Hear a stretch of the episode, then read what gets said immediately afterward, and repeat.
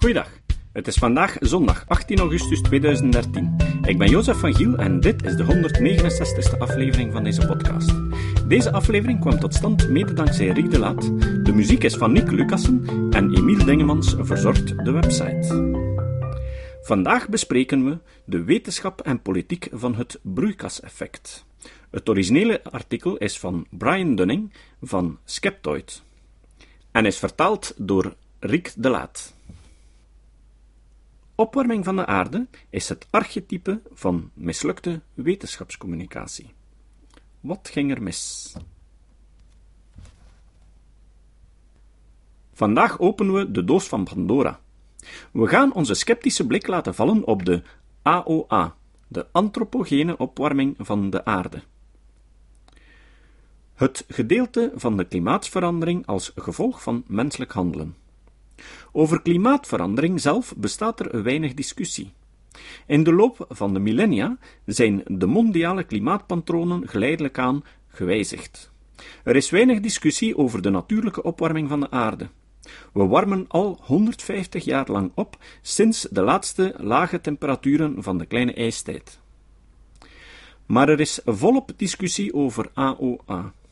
Althans in de publieke, maar veel minder in de wetenschappelijke gemeenschap. In welke mate zijn wij mensen er de oorzaak van? Wat zullen de gevolgen ervan zijn als ze bestaat? En wat moeten we desgevallend eraan doen? Publiek begrip van wat AOA is, zit helemaal in de knoop. Veel meer nog dan alle andere wetenschappen en veel meer nog dan schepping versus evolutie. De reden daarvoor is voor iedereen duidelijk. Het ging voor het publiek nooit om wetenschap, maar wel om politiek. Het is een politiek heet hangijzer, waardoor iedereen aan beide zijden van de discussie in vuur en vlam is gezet. Het gonst over samenzweringstheorieën, beschuldigingen van bedrog, einde van de wereldscenario's, schandalen en corruptie.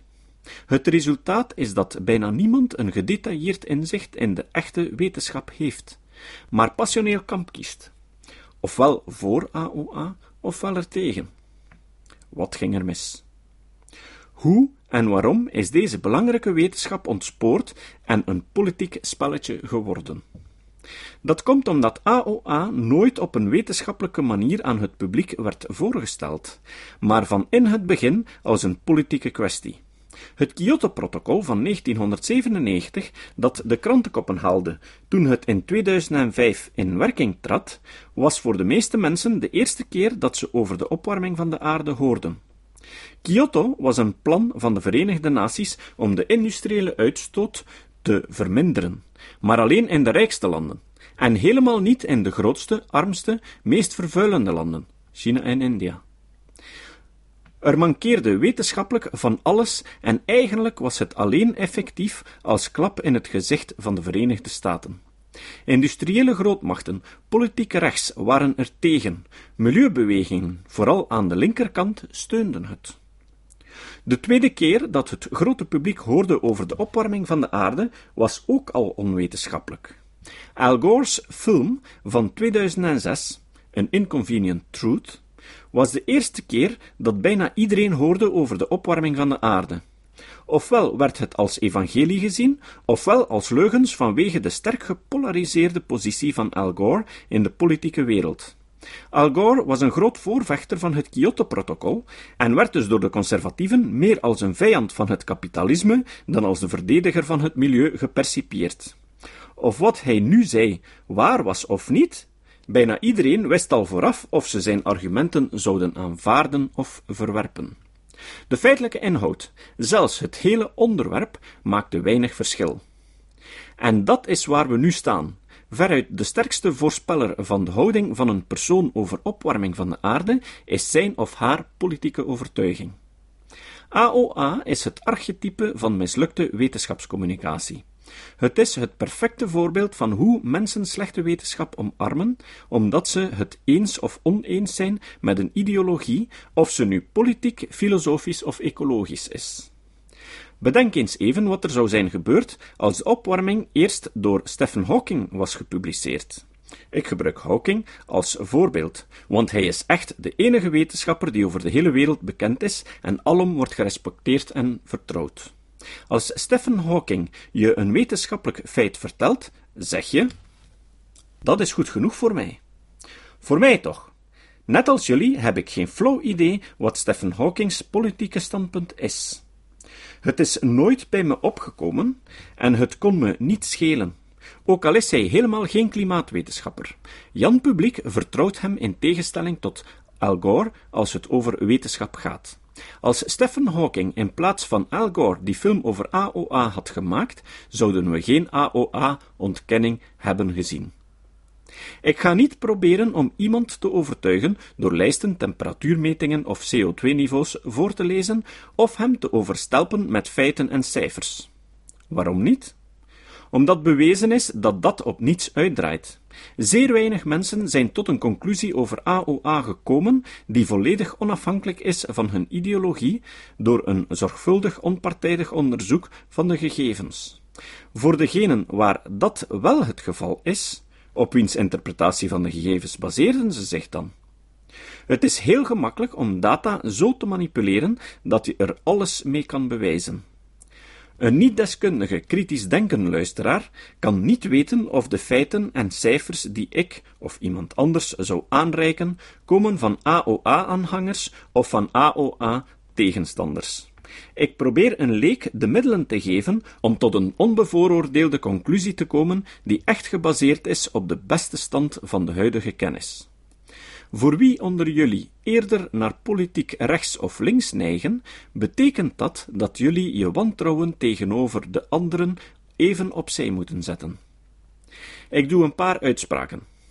Met één ervan zal je het waarschijnlijk eens zijn, met de andere niet. Uitspraak A. Conservatieven hebben de neiging om AOA te verwerpen omdat het in strijd is met hun politieke agenda. Uitspraak B. Liberalen hebben de neiging om AOA te omarmen omdat het mooi past in hun politieke agenda. Opmerking. Liberalen zijn in Amerika, in tegenstelling tot Europa, de linkerpartij en niet de rechterpartij.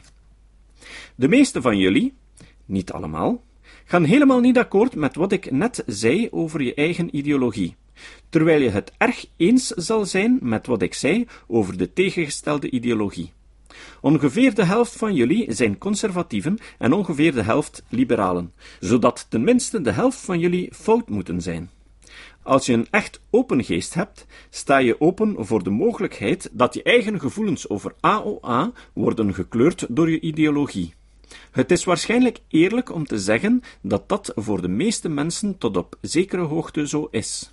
Het is perfect in orde dat je het leuk vindt wanneer de wetenschappelijke feiten mooi in je ideologie passen. Het is voor iedereen erg moeilijk en zeer zeldzaam om je begrip van wetenschap volledig gescheiden te houden van je emoties of filosofieën. Noem eens een expert waarmee je akkoord gaat over de klimaatverandering. Bijna niemand zal een echte klimaatwetenschapper noemen. Het zal haast altijd een of andere mediafiguur zijn. Ken je wel één klimaatwetenschapper bij naam? Geen ervan is beroemd. Weinigen van ons hebben er ooit eens één aan het woord gehoord. Alles wat je weet over klimaatwetenschap is gefilterd door iemand anders, waarschijnlijk iemand waarmee je vooraf al akkoord ging. Hoe kan een leek dan weten wat klopt? Zoals ik altijd op kritisch denken zeg, kijk naar onze beste wetenschappelijke consensus en hou je daaraan. Je zal het dan veel vaker bij het rechte eind hebben. Dit roept de voor de hand liggende vraag op. Wat is onze beste, echte, apolitieke, onpartijdige consensus over klimaatwetenschap? Of je het nu leuk vindt of niet, wat daar het dichtst bij komt, is het IPCC. Het Intergouvernementeel Panel over Klimaatverandering, of Intergovernmental Panel on Climate Change. In 1988 opgericht door de Verenigde Naties, een decennium voordat het Kyoto-protocol is bedacht en lang voordat Al Gore ooit gehoord had van klimaatopwarming. Laten we eens wat dingen onder ogen zien voordat je hierop reageert. Het IPCC is onvolmaakt en dat is het altijd geweest. Het is zo voor het gevangenissysteem of het onderwijssysteem. Iedere instelling is een compromis om het iedereen naar de zin te maken. Ze zijn onvolmaakt, maar ze zijn het beste wat we in elkaar kunnen steken. De kritiek is volkomen terecht. Het is niet nodig om het IPCC te beschouwen als een perfecte instelling om de wetenschappelijke consensus die ze biedt te accepteren.